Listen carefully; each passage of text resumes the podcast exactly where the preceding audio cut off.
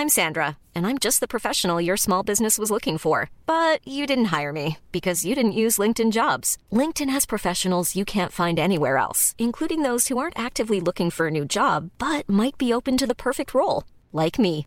In a given month, over 70% of LinkedIn users don't visit other leading job sites. So if you're not looking on LinkedIn, you'll miss out on great candidates like Sandra. Start hiring professionals like a professional. Post your free job on linkedin.com/people today. Planning for your next trip?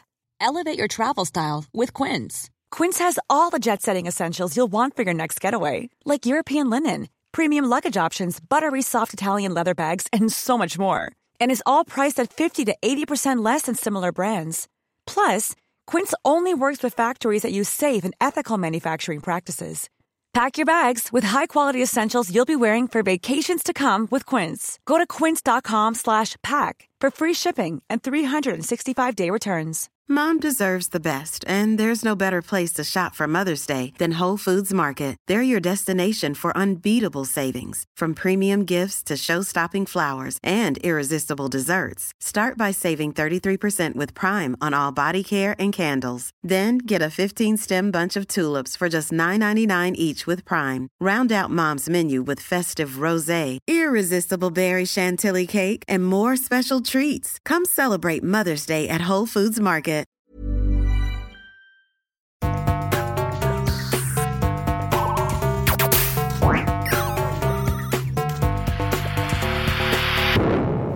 Velkommen til Sinnsyn. Jeg heter Sondre Risom Livre, er psykolog, og dette er Webpsykologens podkast. Hverdagspsykologi for fagfolk og folk flest.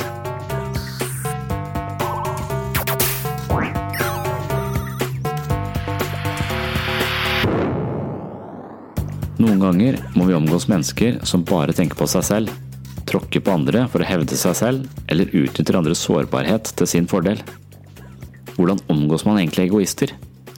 Har egoisten det bra med seg selv? Kan det tenkes at eh, rause mennesker har det bedre, selv om de ofrer egne goder for andres ve og vel? Tema for denne samtalen er egoisme versus altruisme. I dag skal vi til Flekkefjord og kulturhuset som heter Spira. Jeg skal snakke med Hans Jacobsen fra Human-Etisk Forbund om kveldens tematikk. Vi forsøker å svare på følgende spørsmål. Er alle egoister? Hvorfor blir man egoistisk? Er du en egoist? Hvor finner vi de største egoistene? Hvordan håndterer vi egoistiske personer? Denne gangen var det også Kjetil Nordbø som var primus motor for Human-Etiske uker og arrangementet i Flekkefjord. Det var forbausende godt oppmøte og god stemning på Spira. Før vi sjekker inn i Flekkefjord, skal jeg kort gi en innføring i temaet ved hjelp av en artikkel jeg skrev i 2015, og et lite klipp fra Friends. Phoebes. I just, you know, I just wanted to do a good deed, like like you did with the babies. This isn't a good deed. You just want to get on TV. This is totally selfish. Whoa, whoa, whoa! What about you having those babies for your brother? Talk about selfish. What, what are you talking about? Uh, well, yeah, it was a really nice thing and all, but it made you feel really good, right? Yeah, so? Well, it made you feel good, so that makes it selfish. Look, there's no unselfish good deeds. Sorry. Yes, there are. There are totally good deeds that are selfless. Well, may I ask for one example? Yeah, it's, you know, there's. No, you may not. That's because all people are selfish. Are you calling me selfish? Are you calling you people? yeah, well, sorry to burst that bubble, Phoebes, but selfless good deeds don't exist, okay? And you know the deal on Santa Claus, right? Selfless good deed. I'm gonna beat you, you evil genius. Hey, Joey, when you said the deal with Santa Claus, you meant. That he doesn't exist. Right. Dersom vi forstår egoisme som en posisjon hvor vi er opptatt av å dekke egne behov i kombinasjon med lite omtanke for andre, er det nok et trekk de fleste av oss har i mer eller mindre utstrekning. Jeg ser for meg at de fleste går rundt med et eh, ego i underskudd som trenger noe fra omgivelsene for å føle seg god nok. Har man et stort underskudd, trenger man mer fra andre, noe som også betyr at man har mindre å gi. Kanskje finnes det noen mennesker som er så psykologisk modne at de lever på et ego i sånn forholdsvis balanse. I en slik situasjon kan man forvente at våre behov endrer seg fra å være egoistiske til å bli mer altruistiske. I en underskuddsposisjon, altså i egoismen, er vi orientert mot å dekke egne behov, som ofte dreier seg om å få andres beundring, anerkjennelse, støtte, omtanke eller andre fordeler. De som derimot er i overskudd, som har en sunn aksept og et realistisk eh, bilde av seg selv, kanskje også en sunn kjærlighet til seg selv, noe som Koht av og til kaller for sunn narsissisme, de vil snarere utvikle et behov for å gi til andre. Så istedenfor å være egosentrisk orientert, jeg trenger noe fra deg, så vil man i balanse få en form for metabehov som handler om å gi til andre. Noen vil si at sunn utvikling fra barn til en moden voksenperson handler om at vi blir mindre og mindre egoistisk fokusert. Våre narsissistiske behov avtar etter hvert som vi blir mer integrerte som mennesker. Og da er spørsmålet hvorfor blir man egoistisk? Som barn trenger vi bekreftelse fra andre for å utvikle vår egen selvfølelse og identitet. De som vokser opp med empatiske omsorgspersoner, kan få mye påfyll som siden kan fungere som en solid grunnmur og borge for en solid selvfølelse. Det er som om den kjærligheten vi får gjennom oppveksten, skaper grobunn for trygge personer som siden kan gi denne kjærligheten videre til andre. Motsatt vil mangel på kjærlighet, omsorg og trygge rammer levne barn i en underskuddsposisjon, og i verste fall blir livet en lang kamp for å tilkjempe seg det man mangler. Man kan også forestille seg at noen mennesker utvikler svært egoistiske karaktertrekk som følge av foreldre som ga dem alt de pekte på. Som barn fikk man det man ville ha, man fikk både materielle ting og viljen sin, og på den måten kontrollerte man sine foreldre. Egoisme kan bli et mønster som utvikles hos barn som ikke får klare grenser.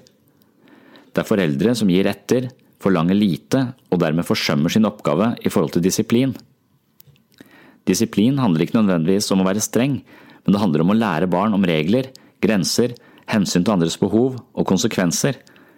Barn som mangler føringer fra sine foreldre, oppdras til å ta seg til rette. De lærer ikke om gjensidighet og forstår ikke konseptet om å gi og ta. Det neste punktet jeg vil nevne handler om eh, hva som kjennetegner en egoistisk eh, person. Det finnes eh, sannsynligvis mange varianter av egoisme, og noen er vanskeligere å få øye på enn andre.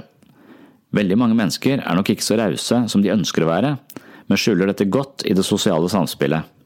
De som virkelig er totalt oppslukt av egne behov på bekostning av andre, altså ekstremvariantene, finnes det også en del eksempler på, og noen ganger så kaller vi de for psykopater.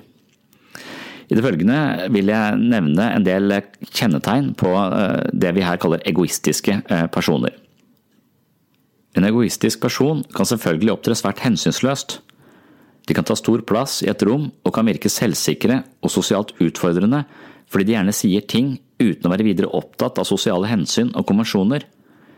De kan virke spennende og utfordrende på grunn av denne egenskapen, men samtidig forårsaker de gjerne usikkerhet hos andre med sin barduse fremferd. Et problem er at man assosierer denne typen atferd med selvsikkerhet, noe man gjerne beundrer og noen tiltrekkes av det. En egoist er øh, også til en viss grad øh, enspora. Evnen til å innta og ta hensyn til flere perspektiv på en gang er et kjennetegn på psykisk sunnhet og empatiske personer. Mennesker som er enspora og bombastiske, er gjerne egosentriske og kan handle uten hensyn til andre enn seg selv. Man kan fornemme ensporethet i deres uttalelser, hvor hensyn til flere perspektiver og andres behov mangler. En egoistisk person vil gjerne ha kontroll for å få det han eller hun trenger, det kan føre til at vedkommende inntar en slags eh, sentral posisjon i samhandling med andre. De tar seg frem på en måte som gjerne setter andre litt i skyggen. Hvis noen krever noe av dem, eller sier imot deres vilje, blir de ofte sinte. Det neste spørsmålet er hvor eh, man finner egoistene. Egoisme er sosialt uakseptabelt, så de som har sterke trekk uten evne til å skjule dette, blir ofte avvist av andre. De kan komme skjevt ut og havne som et eh, slags offer for en verden de opplever som blodig urettferdig. Kanskje bruker de tiden sin på VG sin debattsider og kalles for eh, nettroll. En annen variant er de som klarer å skjule sine egoistiske trekk og hevde seg på en måte som gagner dem selv. I så tilfelle kan de nå langt og komme høyt opp i sentrale posisjoner i samfunnet. Av lite empati trenger de ikke å ta hensyn til andres følelser og behov, og de sliter ikke med skyldfølelse. Dette er egenskaper som kan gjøre veien til toppen litt enklere. Det neste punktet jeg vil eh, nevne her i innledningen, er en slags eh, test deg selv-variant. Er du en egoist? Sannsynligheten for at de som virkelig sliter med egoisme, hører denne episoden, er dessverre ganske liten. Men hvis disse menneskene blir ensomme nok, opplever at andre trekker seg unna og gradvis mister sitt sosiale liv eller familieliv, kan det hende at de til sist er interessert i hva de selv gjør for å havne på utsiden. En slik nysgjerrighet på hvordan man selv påvirker andre, er også en eh, forutsetning for å skape endringer i forhold til egne mønster og væremåte. Dersom du kjenner deg igjen i følgende utsagn, er det sannsynlig at du har ganske fremtredende egoistiske tendenser, og dersom du er interessert i å ta ansvar for dette og endre deg, har du ganske mye å vinne på det. Punkt 1. Du bryr deg ikke om andres behov, men tilfredsstiller egne behov uten omtanke for andre. Det gjør at du risikerer å såre andre, tråkke på andre eller frarøve dem muligheter. Punkt 2. Du har en tendens til å ydmyke, mobbe, mishandle eller nedverdige folk. Punkt 3. Du sliter med empati og har vanskeligheter med å bry deg om andre. Punkt 4. I jobbsammenheng kan du få problemer fordi du ikke tenker på andres følelser eller unngår å følge regler. Folk som står deg nær kan komme til å forlate deg, mislike deg eller bryte kontakten fordi du oppfører deg urettferdig, frekt eller egoistisk. Punkt 6. Du risikerer dessuten problemer med loven hvis du har lett for å bryte regler. Skattesnusk og forretningssvindel er ikke så uvanlig i forhold til eh, egoistiske personer. Punkt 7. Du har ikke likeverdige relasjoner, og du opplever sjelden eller aldri gleden ved å gi eller gjøre noe for andre. Kanskje bør man forsøke å holde seg unna denne typen mennesker. Dersom man er nødt til å omgås dem, bør man holde dem på en høflig avstand. Det kan være lurt å ikke utfordre dem. Forsøke å ikke sette seg i en posisjon hvor man er avhengig av dem. Ikke konkurrere med den typen mennesker. Og det er heller ikke i disse relasjonene du skal trekke frem dine svake sider, være åpen og fortrolig. I noen tilfeller kan det hjelpe å være raus og sjenerøs med egoisten. Hvis de føler seg fordelaktig behandla, kan det tenkes at de selviske tendensene avtar. Det var det jeg ville si nå innledningsvis, nå skal du få møte den tidligere journalisten Hans E. H. Jacobsen og meg selv i en samtale på Kulturhuset i Flekkefjord. Ja, da må vi snakke ganske høyt, tror jeg, for å bli hørt. Så uh, tematikken er Det var vel jeg Kjetil som uh, snakket om dette, og så hostet vi opp en del temaer. Eller kanskje var jeg som gjorde det. Og så og så skulle det bare utgjøre da, utgangspunktet for, for, noen samtaler. Uh, og egoisme er en sånn veldig menneskelig tematikk, og det er også en innfallsvinkel til å forstå menneskets syke. Så kanskje vi skal snakke både om hvordan man omgås egoister, men kanskje vel så mye om hvordan, hvordan kan vi forstå ego, egoisme. Hva er det for et slags uh, fenomen?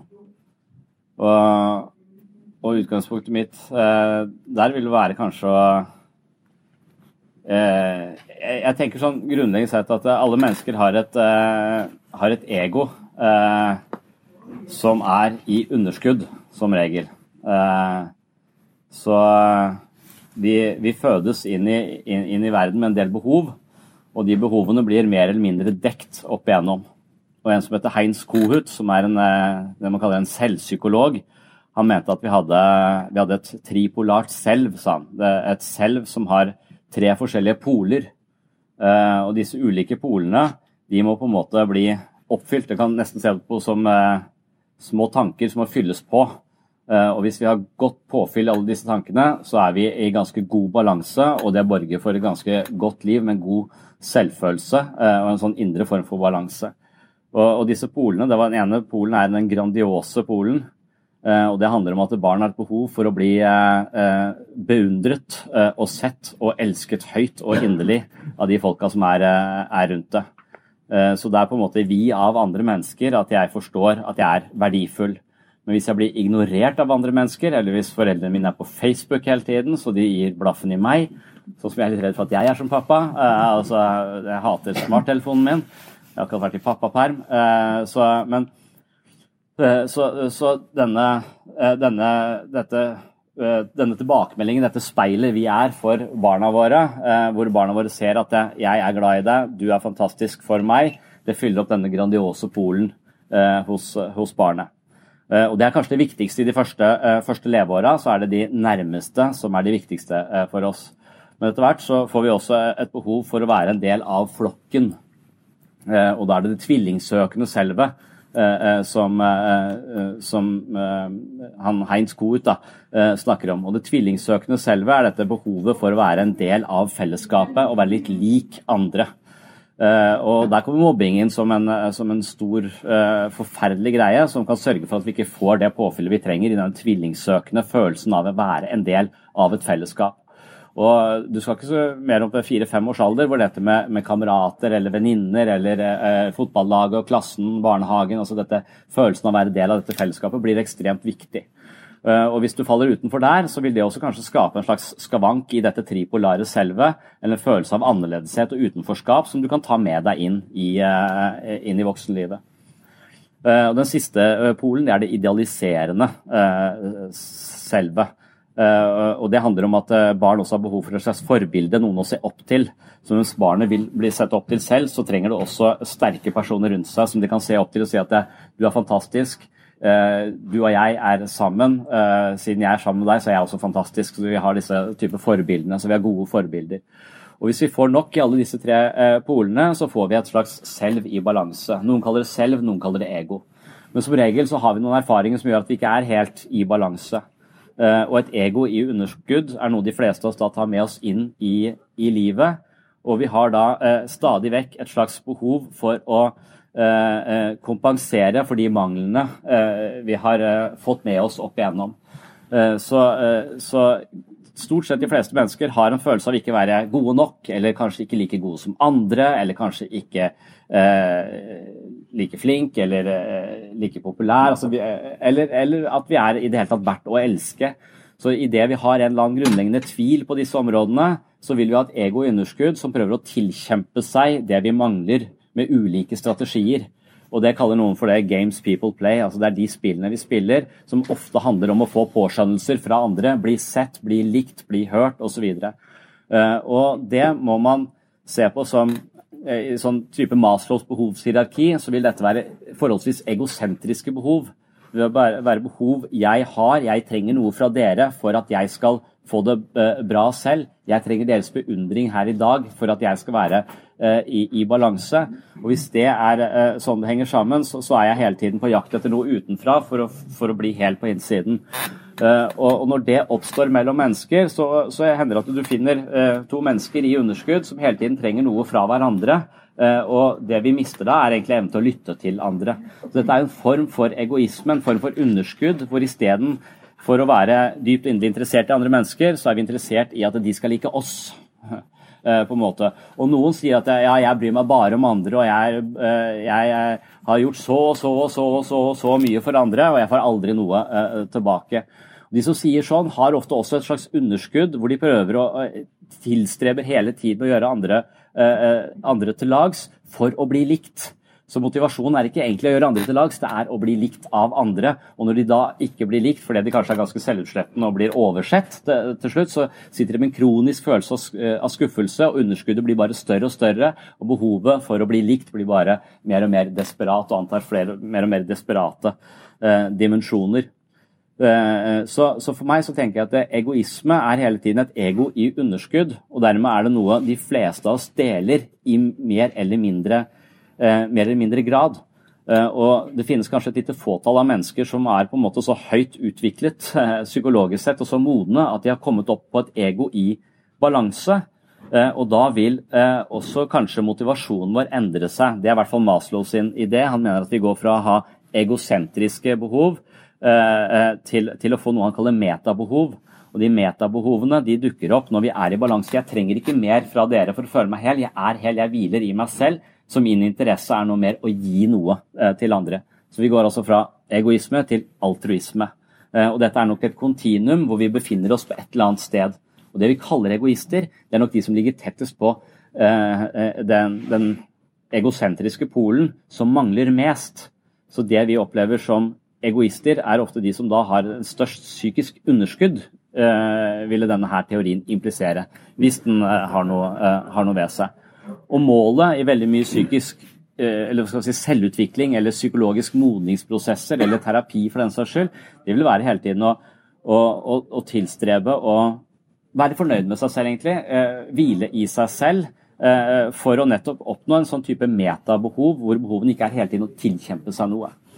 Og Her dukker også opp noen som er sånn mistenksomt. Denne teorien sier at ja, alt jeg gjør, er jo for å oppnå et eller annet. Så hvis jeg plutselig ikke har noe mer å oppnå, ikke trenger applaus eller trenger likes på Facebook, eller hva det er jeg higer etter, så har jeg vel ikke noen motivasjon for å gjøre noe som helst.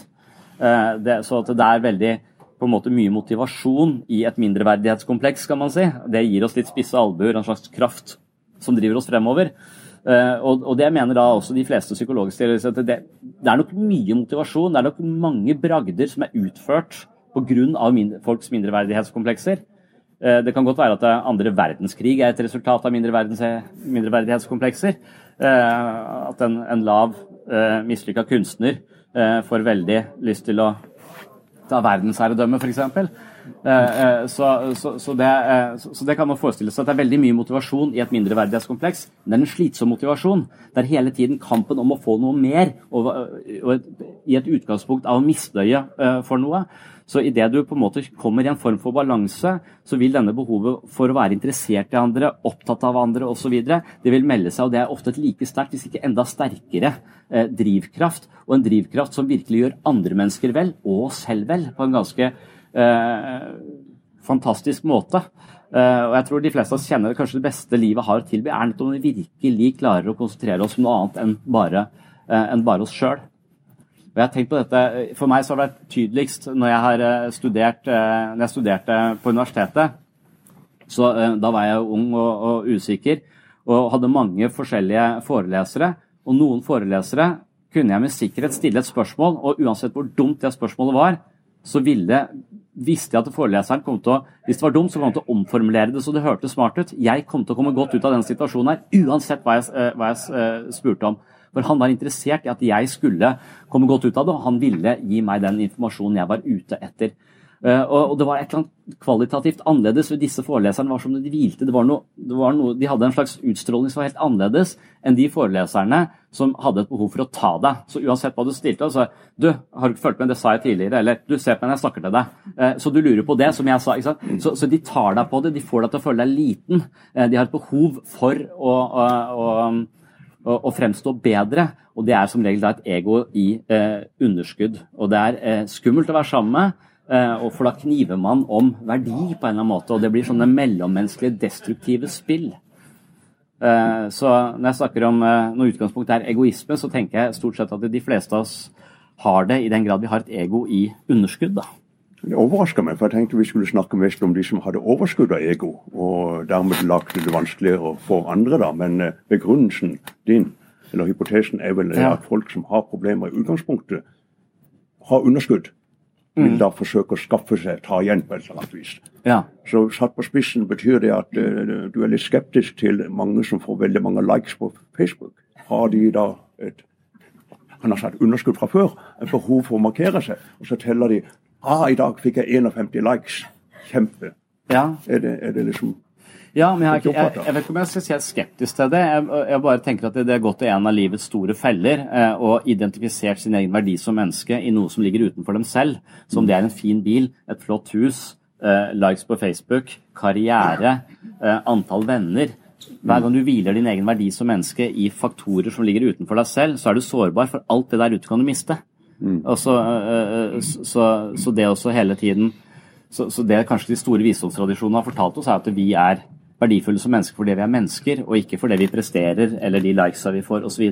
Men de fleste av oss tenker ikke sånn. De fleste av oss er opptatt av å måle vår egen verdi ut ifra noen sånne faktorer vi litt sånn random har satt opp for oss selv. Det kommer an på hva vi tilskriver eh, eh, eh verdi. Eh, og det er et slitsomt og sårbart eh, prosjekt som kan skape en del motivasjon. Men jeg kaller det av og til et objektspill. Prøve å finne noe for å bli helt på innsiden. Noe som ligger utenfor eh, for en selv. Og Det spillet tror jeg du kan spille hele livet, men jeg tror ikke det gjør deg spesielt jeg tror det gir deg øyeblikkslykker hver gang du klarer det, men jeg tror, det, jeg tror ikke det gir et meningsfullt liv. Men det kan jo også være idealistiske årsaker der man legger ut innlegg, f.eks. miljøvern eller uh, en problemstilling eller krig og fred uh, ja. osv. At man, mm. man, ønsker å informere andre. Ja. Og, og, og, invitere til en debatt. Ja. Ikke nødvendigvis skryte av den nye bilen, eller at man har reist til Thailand med fly, eller et eller annet sånt. Ja, absolutt. Og, og, da, og da spørs det hvordan kan vi vite om de som legger ut, har da en mer altruistisk hensikt? Altså de ønsker eh, eh, å gjøre noe godt for verden. eh, eller om de er moralposører eh, som vil eh, sole seg i sitt miljøengasjement. Altså, så det er jo en eh, det, det kan man jo egentlig aldri vite, men kanskje vi kan vite det, kanskje vi kjenner det i magen når vi møter de menneskene. De som er genuint interessert i miljøet, og de som er mer av den moralposør-greia, som bare flagger det fordi at det er eh, korrekt. Eh, det, jeg, jeg mistenker at vi kanskje kjenner det på magefølelsen når vi møter dem. Mm. Uh, men jeg tror det er litt vanskelig, det er ikke så etterrettelig å finne ut av uh, er, er dette hva, hva er egentlig årsakene hvorfor vi gjør hva vi gjør? Og det, det, det, tenker jeg mye på selv. Altså, hva er års... Hvorfor gjør jeg dette? Det, det tror jeg er en sånn lur ting å gjøre. Hva, hva, er, hva er min motivasjon for å skrive en bok? Eh, er det for at den skal bli eh, Er det for at jeg skal bli beundra av andre, eller er det for at jeg ønsker å fortelle noe jeg mener jeg kan, som andre burde vite? Mm. hva, jeg, jeg tror det er en blanding. Jeg er litt usikker på det. Eh, Ja, men jeg vil tro at eh, dette foredraget du holder i dag, den samtalen, det er litt mer idealistiske årsaker, samtidig som det er din profesjon. Du gjør jo dette på kveldstid. Unnskyld, kan dere heve stemmevolumet litt? Det er litt vanskelig å høre på. Hvis dere reiser dere, så hører alle det skikkelig. Ja, nei, vi kan snakke mye høyere, så det går bra. Ja. Ja, nei, det kan godt stå, jeg. Men eh, hvordan passer dette med det opplegget ditt? Jo, det, da må Kjetil justere eh, kameraene. This is Paige, the co-host of Giggly Squad, and I want to tell you about a company that I've been loving, Olive and June. Olive and June gives you everything that you need for a salon quality manicure in one box. And if you break it down, it really comes out to $2 a manicure, which is absolutely insane. It's also so easy to get salon worthy nails at home with Olive and June. The difference between how your nails used to look when you did them yourself and now with the Manny system is a complete game changer. The best thing about Olive and June too is it's a quick dry. Dries in about one minute, lasts for five days, and full coverage in up to one to two coats. Visit oliveandjune.com slash perfectmanny20 for 20% off your first system. That's oliveandjune.com slash perfectmanny20 for 20% off your first system. I'm Sandra, and I'm just the professional your small business was looking for. But you didn't hire me because you didn't use LinkedIn jobs. LinkedIn has professionals you can't find anywhere else, including those who aren't actively looking for a new job but might be open to the perfect role, like me. In a given month, over 70% of LinkedIn users don't visit other leading job sites. So if you're not looking on LinkedIn, you'll miss out on great candidates like Sandra. Start hiring professionals like a professional. Post your free job on linkedin.com/people slash people today. This is Paige, the co-host of Giggly Squad, and I want to tell you about a company that I've been loving, Olive June. Olive June gives you everything that you need for a salon quality manicure in one box. And if you break it down, it really comes out to $2 a manicure, which is absolutely insane. It's also so easy to get salon worthy nails at home with Olive and June. The difference between how your nails used to look when you did them yourself and now with the Manny system is a complete game changer. The best thing about Olive and June too is it's a quick dry. Dries in about one minute, lasts for five days, and full coverage in up to one to two coats. Visit oliveandjune.com slash perfectmanny20 for 20% off your first system. That's oliveandjune.com slash perfectmanny20 for 20% off your first system.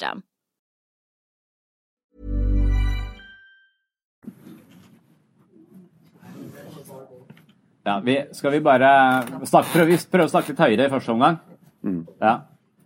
Men jeg har lyst til å spørre deg om en sånn praktisk eh, egoisme. Hvis jeg kjører hjem fra hytta mot Flekk, i Mandal og så til Flekkefjord, lang kø, og så er det alltid noen som skal tråkle seg frem hele tida. Kjører på og, og tetter lukene, ikke sant, og så på og igjen og på igjen for å komme et halvt minutt tidligere frem. Ja. Vedkommende setter jo andres liv i fare, og gjør at alle oss andre som blir pressa bakover i køen, blir forsinka. ja. Det, det er liksom for meg et veldig enkelt bilde på en egoist som er mer opptatt av at han skal komme et halvt minutt før frem, enn oss andre. da. Han forsink- forsinker jo alle oss Ja. andre da. ja. Uh, hva skal man gjøre med sånt? Ja eh, hva eh, legge deg- sånn? Legge deg i midten, så han ikke kommer bort. Ja, ja det er helt greit. Ja. Ja. Jeg har jo forsøkt av og til, også når de ligger sånn helt bak, og så tråkker jeg på gassen samtidig som jeg trykker litt på bremser. Så får de bremselyset rett i fjeset, og da blir de liggende litt etterpå. Ja. Og så kommer de på. Ja. Da, da skal de sikkert ta igjen, og så raser de Ja. forbi. Ja. Det er særlig sånne, sånne folk med, med fem nuller, fire griller grillen og ett bak. Ok. rattet. Ja. Audi. Ja. ja. Nei, det Kanskje en avsporing fra den Nei, nei, det teoretiske, men jeg bare tenker at det er liksom et sånt ja. bilde jeg har av en typisk egoist. Ja. En, en som eh, Og, og hva, hva tror du han tenker på en måte når han da er eh, på vei her? Altså at han, han skal eh, han, så, Sånn jeg tenker om, eh, om den situasjonen der, hvis det, hvis det er tone, eh, toneangivende for hvordan han lever sitt liv, Ja. eh, så, så, så lever han en kon konkurrerende liv. Han Mm. gjør ting om til konkurranse mot andre mennesker. Ja. Eh, Så, så, så for han så er det viktig å komme foran deg. Mm. Eh, Og hvis han kommer foran deg, så får han en viss grad av tilfredsstillelse. Ja. Men det varer ikke veldig lenge, for han må foran neste og neste og neste. Mm. Så i den grad du, du baserer livet ditt på konkurrerende virksomhet, eh, som da hele tiden er i opposisjon til noen andre enn deg selv, Mm. så skaper du avstand til andre folk istedenfor nærhet. Ja. Og de menneskene som lever best, det er de som klarer å ha gode og nære relasjoner til andre mennesker. Eh, og som nettopp ikke har denne konkurransen, men snarere har denne gjensidige nysgjerrigheten. Eh, så eh, hvis vi i dag prøver å konkurrere om det beste argumentet, så blir dette en litt sånn slitsom affære. Men hvis vi har en undersøkende nysgjerrig holdning til hverandre, så, så kan vi kanskje Så flyr tiden, og vi, vi trives på en måte eh, her, vi, her vi sitter. Så, så idet denne personen som kjører sånn i trafikken, på en måte har denne konkurrerende tendensen, så tror jeg hele livet hans er preget på den måten, eller henne. Eh, og, og, og det tror jeg er den mest slitsomme måten å leve på. For det første så tror jeg du er ganske ensom. Uh, uh, og, og for det andre så tror jeg at enhver situasjon gir deg eh, gjør deg en uke nærmere neste hjerteinfarkt. Altså, det, du, du, det eneste du du kommer raskere frem til, er ditt første hjerteinfarkt når, du, når du kjører i trafikken på denne måten. Eh, og, det, og det som er eh, kunsten da, er jo uh, For han kan jo Det er greit nok at han som kjører sånn, kommer til å få et hjerteinfarkt. Spørsmålet er om du også har tenkt å pådra deg et hjerteinfarkt fordi han oppfører seg sånn. Ja, fordi jeg blir irritert. Nettopp. Så, og det er der denne ideen om at du er egentlig den eneste som kan gjøre deg sint. Så hvordan du forstår dette mennesket som kjører sånn i trafikken, vil være helt avgjørende for din eget indre klima, på en måte. Skal du, eh, la, skal du ta opp kampen med denne mannen, eller skal du la han få ha sin egen ulykke på et sted hvor du ikke er, og la han bare kjøre, eh, kjøre av sted? Så, så hvordan vi forstår det, og hvordan vi tenker om det Man kan jo egentlig velge å synes synd på en sånn trafikkbølle. Ja. Eh, og da dyrker vi en form for medfølelse og, eh, eh, for noen andre. Noe som jeg har hørt gir deg ti år lenger å leve og et bedre liv. Eh, eh, men, eller, men vi kan bli irritert og prøve å ta han igjen og kjøre over han, eh, alternativt. Som, som, hvor vi kommer til å konkurrere om det første hjerteinfarktet, på en måte. Og Det er det paradoksale. Det er jo sånn vi er. Og dette er nok også et slags underskudd. Du tok noe fra meg. Plassen min i køen, den skal jeg ha tilbake igjen. Eh, og, og, og da er vi fanget. Og det er det motsatte av å være emosjonelt intelligent. da. Det man kaller emosjonell intelligens, det handler om at eh, når andre folk oppfører seg som idioter, eh, så klarer vi å ikke bli like teite sjøl. Og det er helt umulig et ekteskap, har jeg, en følelse. Så når jeg krangler, så er jeg jo fire år. Altså, jeg, jeg sier og gjør ting som jeg i min normale eh, tilstand ikke vil sagt, og jeg kommer til å måtte si unnskyld for det. Eh, og jeg kanskje kjenner det igjen til og med rett før jeg sier det, og jeg vet jeg kommer til å måtte si unnskyld for det, men, men, men jeg klarer ikke å la være, fordi at jeg har falt ned på et mentalt nivå som er veldig lavt og veldig egosentrisk. Jeg skal vinne denne debatten. Jeg har, eh, det er gjort noe urett mot meg, og dette må jeg ha en oppreisning for. Og da får jeg skylapper, og jeg blir eh, barnslig. Hvis man sier at en, en, en person med høy emosjonell intelligens vil på en måte klare å beholde sin sindighet i møte med sånne trafikkbøller eller, eller, eller krangler. Og ikke bare det, de som er veldig emosjonelt intelligente, de vil klare å løfte de folka som er der nede. Og det er ganske prisverdig, for at istedenfor å bli to idioter, så får du faktisk en som holder her. Og her kan du se for deg at han ser litt ned på vedkommende. Dette kan være en hersketeknikk. Men det brukes av en veldig emosjonelt intelligent person brukes det ikke som en hersketeknikk. Det brukes rett og slett som en måte å, å møte han på, så han også kommer opp her, så vi kan likestilles igjen. Så du klarer å løfte andre mennesker ut av sin egen trafikkulykke. Da, eh, da er du nesten Jesus. Ja. så, så det er et, det er et høyt, høyt, mål. Ja. Men det er jo mange former for egoisme. Ja. Eh, noen kan vel kanskje være nyttige i den forstand at du oppnår noe, noe mer. At Mm. du klarer å bringe fremskritt. Eh, ta f.eks. at hvis det er eksempel en eh, to møbelforretninger eller to møbelfabrikanter i en liten by, Mm. og de har en grei konkurranse, de tjener omtrent like mye. Så finner han opp han ene, han klarer å utvikle en ny maskin som gjør produksjonen, at han kan doble produksjonen og senke kostnadene. Da vil jo han tjene mer på bekostning, få flere kunder på bekostning av den andre. Er det egoistisk tenkt, eller? Jeg vil jo kanskje si at det er jo, det er jo, det er jo fremskrittet som gjør at man skaper mer ting, ellers hadde jo verden stått stille. Ja. Er, er det egoister som et stykke på vei har stått bak den teknologiske utviklingen vi tross alt har hatt de siste årene? Ja, sånn, ja. ja. Har du Nei, det er ikke tenkt så mye på. Nei, øh, øh, men, men da er det jo Ja, for det er jo markedskreftene som, øh, så- som, ja, som sørger for en type fremskritt. Ja. Hvor, hvor den ene vil sakke akterut, men sannsynligvis også da må investere i en lignende maskin eller en bedre maskin for å komme på badene Ja, og igjen. den som, en ja. ja, og den som har fått en bedre maskin, skjønner Ja. selvfølgelig at den som ikke har dette, Mm. vil tape konkurransen og kanskje legge ned virksomheten. Ja, ja det, det, det tror jeg også. Så, sånn, det, det tenker jeg er en sånn prosess som verden fungerer på, og som, som er helt, eh, helt, helt ok. Og kanskje ikke har så mye med egoisme eh, å gjøre. Eller det kan godt hende det har det, bare at jeg vet ikke helt hvordan jeg skal koble det. Jeg tenker noe mer på egoisme i sånn medmenneskelig eh, eh, forstand. Ja. Nå Eh, tenker du egoisme menneske mot et annet menneske. altså Hvis de, Ja, ja. Hvis de gjør noe som gjør at til ugunst for, for de neste, for å si det på den måten. Ja, og da, en, Eller et, så, så et eksempel som kanskje ligner, så kan vi se om vi klarer å koble det til møbeleksempelet. Men, men en av de bøkene som på en måte har gjort veldig inntrykk for meg, er Viktor Frankel sin sånn holocaust-bok.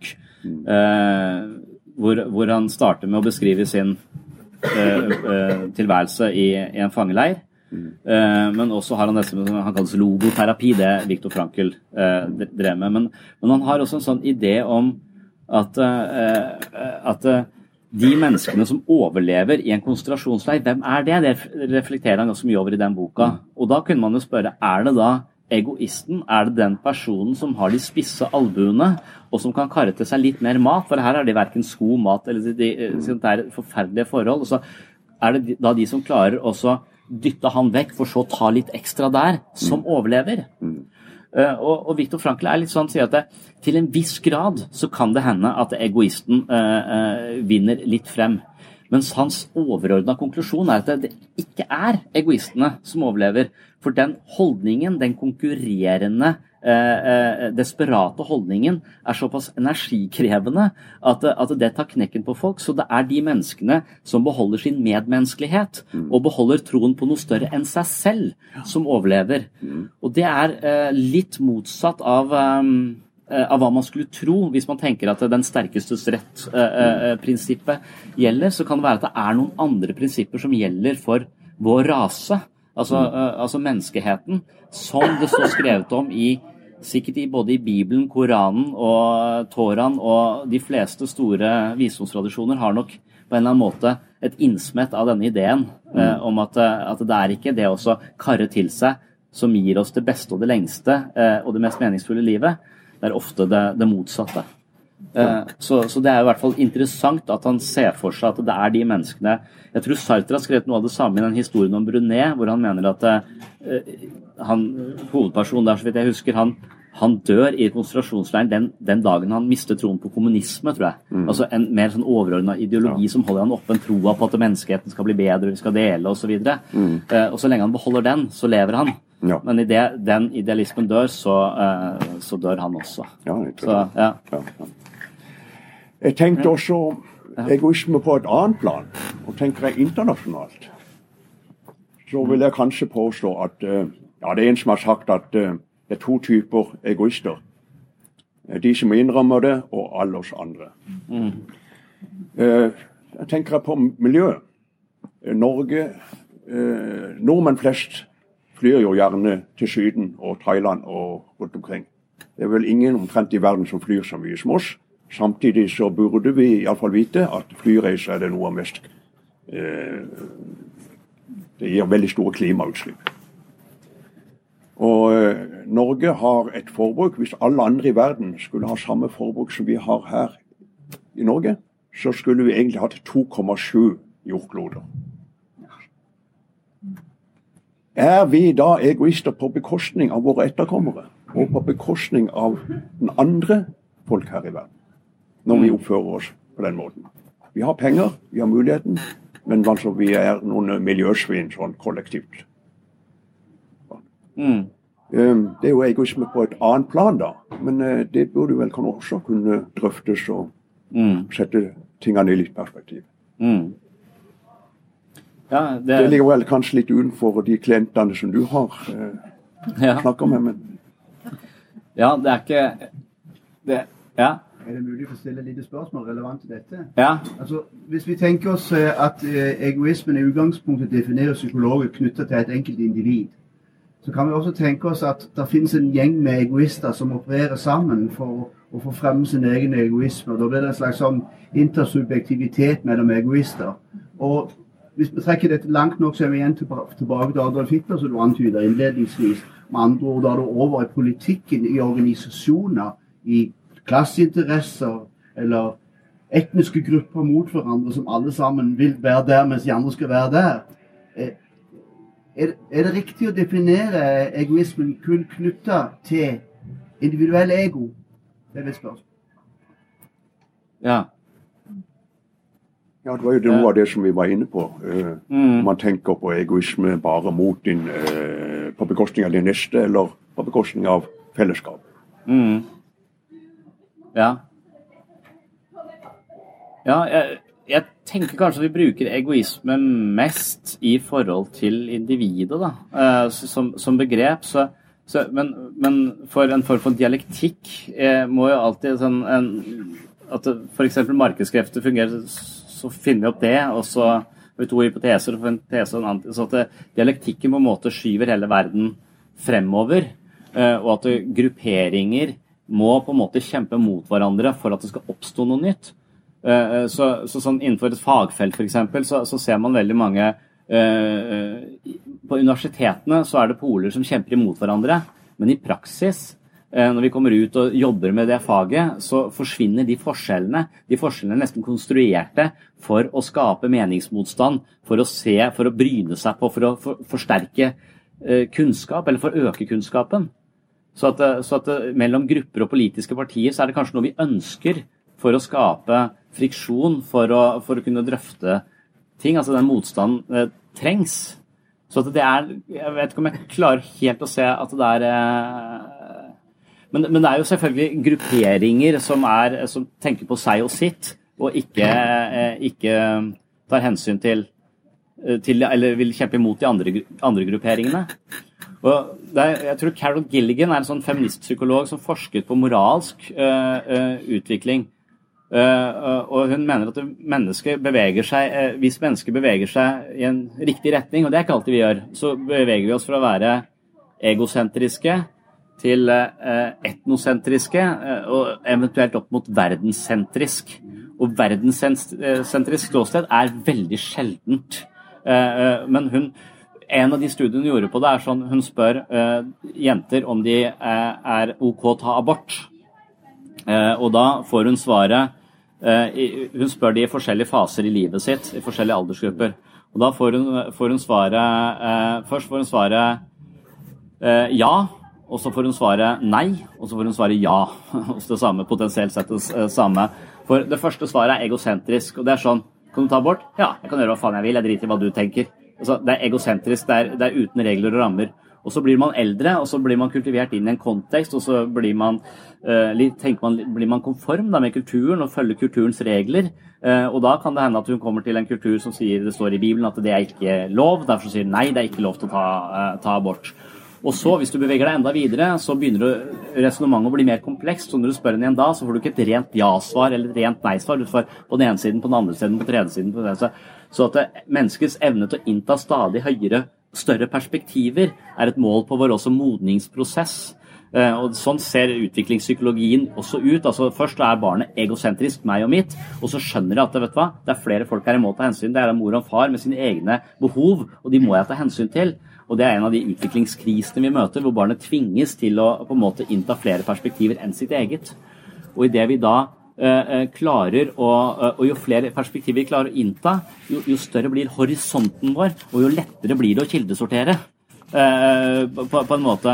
Så det kan være at dette er et veldig individuelt anliggende, egentlig. Altså Hvis vi har en kultur av mennesker som har hatt det så bra at de har hatt kapasitet til å innta et større, et mye større perspektiv enn sin egen navle, så, så, har vi også kanskje en kultur med potensial for å gjøre mye Eh, for å gjøre mye godt. Eh, men det høres litt utopisk, eh, utopisk ut. Ja, er det det? Ja, for jeg tror at det, hvis du skal se på de der studiene, så sier at det, folk på et verdenssentrisk nivå er sånn 0,02% av befolkningen, tror jeg en, en av og da nevne sånn Gandhi og sånne enkeltpersoner som på en måte har vokst ut av sin egen kultur på en måte og skapt store eh, skifter i hvordan vi tenker. Ja. Uh, så at det er en litt sånn sjelden, sjelden affære. Mm, eh, mm, mm. Så, men miljøspørsmål er jo, er jo interessant, da, for det, det, det, krever et såpass stort perspektiv. Og det krever et ja. såpass langt perspektiv. Så det, det, treffer oss ikke i hjertet, på en måte. Uh, det burde gjøre det, mm. men jeg tror, det er ikke sikkert det er et Det å se for seg at jorda går ut nå om 50 år pga. hvordan vi oppfører oss i dag, det, det er ikke ja, det er, det er, forferdelig, men det er ikke sikkert det ligger eh, tett nok på oss. Uh, og så er det lett å tenke at uh, hva jeg gjør, spiller ikke så stor rolle. Det er jo liksom, så, så, så, lenge alle har den holdningen om at det ikke spiller så stor rolle hva jeg gjør, så, så, er det vanskelig å løfte. Ja, man tenker vel kanskje det at det er liksom Norge der bare snaut en promille av verdens befolkning. Om vi dobler uh, ja, ja. våre utslipp, så har det ikke så veldig mye å si. Men hvis alle tenker sånn, så blir det jo galt. Ja. Mm. Det gjør det. Ja. vi må kanskje ha et ungdomsopprør til, sånn noe à la 68-erne som man hadde tidligere, da, for at man skal ja. skjønne dette. Ja, det var det så vidt vi snakket om. altså Det hørte jeg på verdibørsen, at det er liksom det var en som forsker på dette med ungdomsopprør. Han mener at ungdom har en plikt på å gjøre opprør. Eh, det er deres fordømte plikt. Men eh, nå har de så mye lekser at de får ikke tid til å gjøre det. Eh, så dermed så har vi en generasjon som er nå generasjon prestasjon, er det det de heter? Mm. Som, som da egentlig handler om å være mest mulig De er så snille at de gjør ikke noe opprør. Mm. Så vi hadde 68-erne, og så hadde vi ironigenerasjonen, ja. som skulle gjøre det litt sånn mildere med Harald Eia og mm. Gjøre narr av Arendal. Og så eh, ja, også, også har det, mens, mens, denne ungdomsgenerasjonen mangler et opprør, og at klima kunne vært dette opprøret med hun i Sverige som, ja. som streika. Men spørsmålet er om det, det er nærme nok, da. Det er Ja. Nei, vi får se. Nå var det jo en ja. kraftig storm her en dag, men det er nå så. Ja, det er det. ja. Eh, har du vært eh, Altså de klientene som du har, du har jo samtaler med en del. Mm. Eh, har du møtt eh, mange fra arbeidslivet som merker eh, egoisme på, i arbeidslivet, på jobben? F.eks. det at noen som bruker alle midler for å få en forfremmelse, mens du selv blir skjøvet i bakgrunnen. Mm. Eh, har du vært borti sånne, har du vært borti sånne tilfeller? Ja. Altså egoisme på, på jobb? Har du noen eksempler, som, selvfølgelig ikke med navn, da, men noen situasjoner som du kan ja. generalisere litt? Ja, jeg, jeg, tror dette er et sånt spill mennesker spiller veldig ofte. Uh, at det er en sånn konkurrerende virksomhet som, uh, som i hele bedriften egentlig Eh, skaper avstand mellom eh, Det skaper dårlig samarbeid, eh, tror jeg. Men likevel så er det en modell som, som, er ganske vanlig, og at man må knive ganske hardt for å komme seg oppover. Og, og man sier at 1, 1% av befolkningen er psykopater. Eh, og de sitter enten i fengsel, eller så er de på næringslivstopper. så eh, eh, Det vet jeg ikke om helt stemmer, men, men det er noe med å, dette, dette gemyttet, denne viljen til hele tiden å, å eventuelt trå på andre for å, for å komme høyere, høyere selv. Mm. Men igjen denne mentaliteten jeg mener sannsynligvis gjør deg rik, og, og, kanskje innflytelsesrik til og med, men, men, likevel ikke nødvendigvis skaper den største dybden og mening i et liv. Jeg tror du kan våkne opp dagen etter med dobbelt så mye penger, men likevel føle deg tom på innsida. fordi at dette, denne konkurrerende affæren egentlig ikke er det som, som det beste livet har å tilby.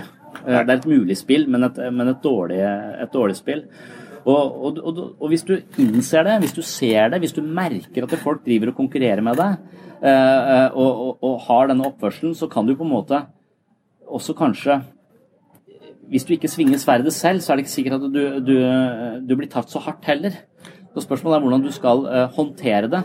Skal du la det Hvor mye skal du involvere deg? Hvor mye skal du la andres egoisme påvirke deg og ditt liv? Jeg tenker Det er jo flere former for konkurranse. Noe som mm. vi kaller sunn konkurranse, hvor du følger spillets regler. Mm.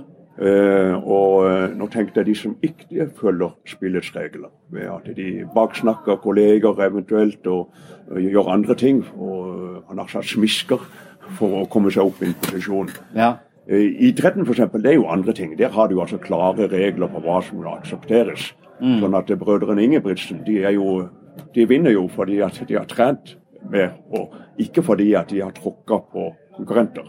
Nei, og fordi du er en veldig streng far, har jeg inntrykk av. Ja, jeg tror han er ganske bestemt. Ja. Eh, men han har eh, iallfall eh, nådd langt med sine sønner. Ja, han har det, altså. Og jeg tror, ja. ja.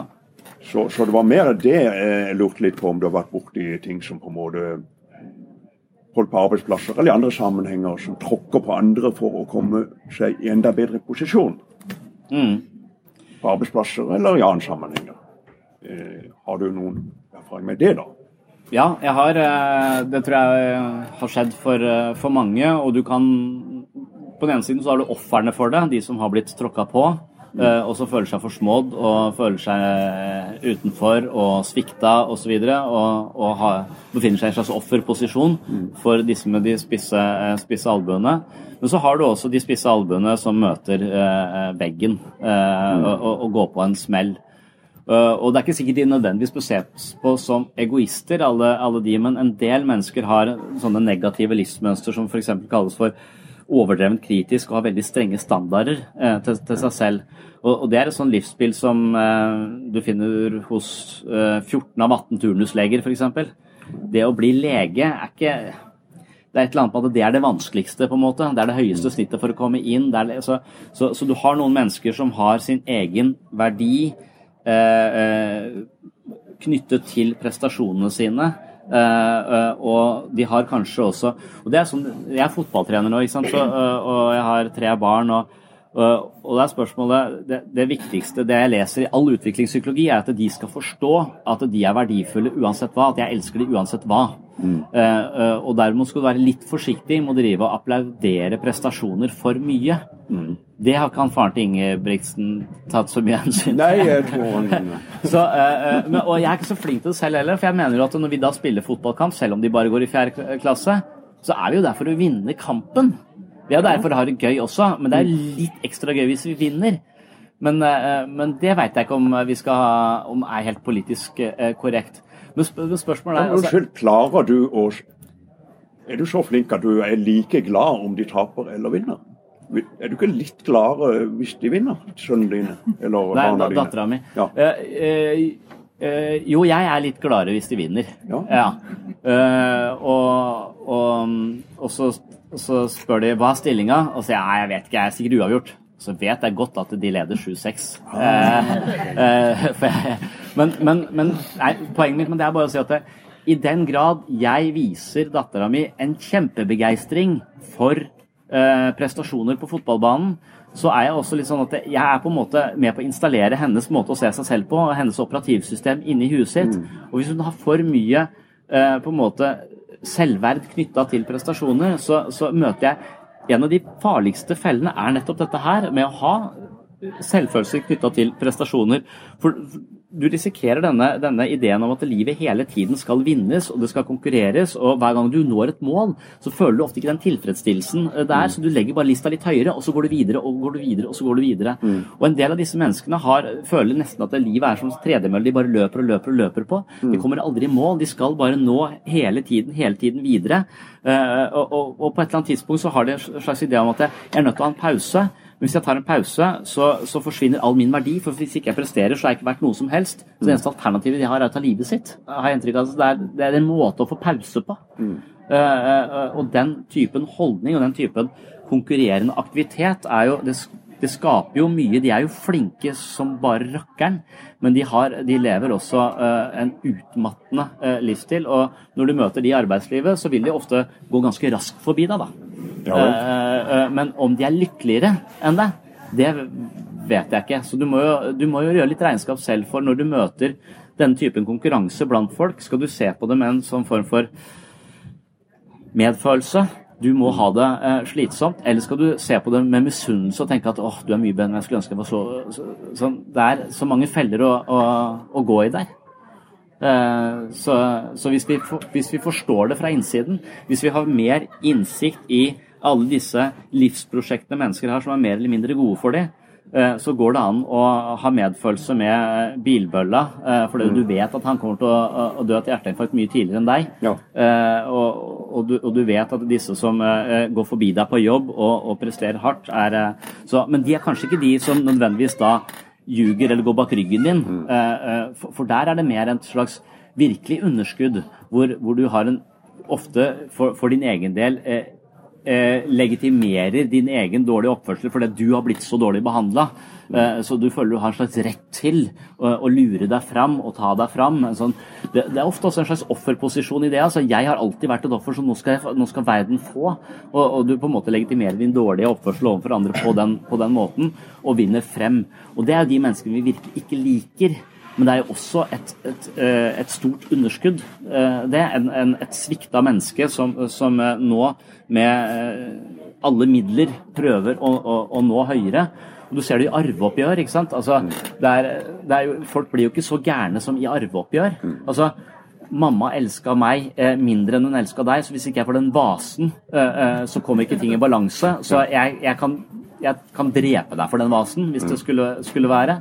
Og Da har du igjen dette med en form for egoisme som handler om et underskudd av anerkjennelse og kjærlighet. Jeg har ikke blitt fortalt at jeg er god nok, og jeg tror ikke jeg er god nok selv heller, så jeg må ha den vasen for å få det bevist. Men den vasen funker ikke. Det er det som er eh, så trist. Du må innse at eh, hvis mennesker kan forstå at de er verdifulle for den de er, og akseptere seg selv, så, så vil eh, de unngå disse egofellene. Som er da de egoistiske fellene også. Mm. Mm.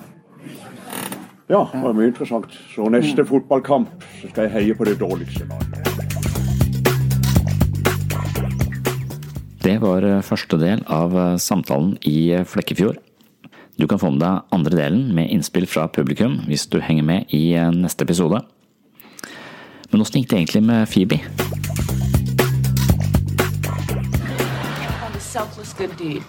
You know that really old guy that lives next door to me? Well, I snuck over there and, and raked up all the leaves on his front stoop, but he caught me and he like force fed me cider and cookies. and then I felt wonderful. That old jackass. Maybe Joey's right. Maybe the, all good deeds are selfish. I will find a selfless good deed because I just gave birth to three children and I will not let them be raised in a world where Joey is right. PBS Telethon.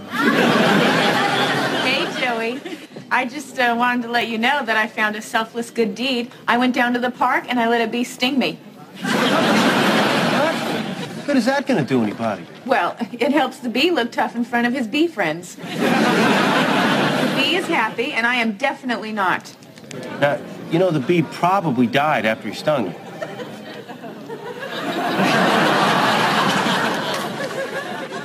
Damn it! PBS Telethon. Hi. Hey, Phoebes. I would like to make a pledge. I would like to donate $200. $200? You sure, Phoebes? I mean, after what Sesame Street did to you? Oh, I'm still mad at them. But I also know that they bring happiness to lots of kids whose moms didn't kill themselves. you know, so by supporting them, I'm doing a good thing, but I'm not happy about it. So, a selfless good deed. All right, and you don't feel a little good about donating the money? No, it sucks. I was saving up to buy a hamster. Hamster? What, those things are like 10 bucks. Yeah, not the one I had my eye on. It looks like we have surpassed last year's pledge total. Thank you, viewers. And the pledge that did it was taken by one of our volunteers. Oh, boy. And may I say, one of our sharpest dressed volunteers, Mr. Joseph Triviani. Ah, look, look, Joey's on TV. Isn't that great? Hey, my pledge got Joey on TV. Oh, that makes me feel so.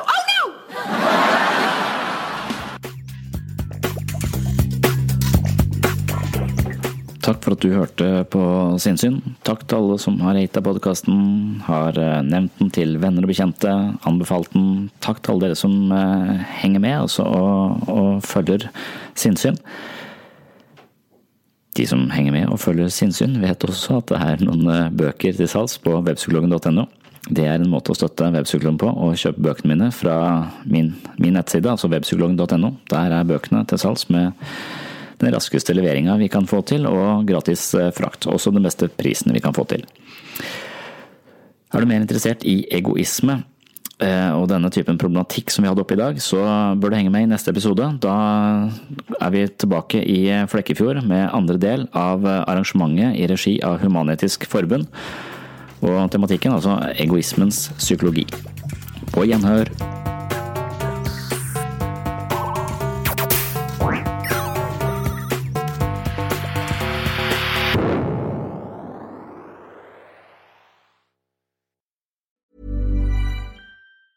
Hey, it's Danny Pellegrino from Everything Iconic. Ready to upgrade your style game without blowing your budget? Check out Quince. They've got all the good stuff shirts and polos, activewear, and fine leather goods, all at 50 to 80% less than other high end brands. And the best part? They're all about safe, ethical, and responsible manufacturing. Get that luxury vibe without the luxury price tag. Hit up quince.com slash upgrade for free shipping and 365 day returns on your next order. That's quince.com slash upgrade. Planning for your next trip? Elevate your travel style with Quince. Quince has all the jet setting essentials you'll want for your next getaway, like European linen, premium luggage options, buttery soft Italian leather bags, and so much more. And is all priced at 50 to 80% less than similar brands. Plus, Quince only works with factories that use safe and ethical manufacturing practices. Pack your bags with high-quality essentials you'll be wearing for vacations to come with Quince. Go to quince.com slash pack for free shipping and 365-day returns.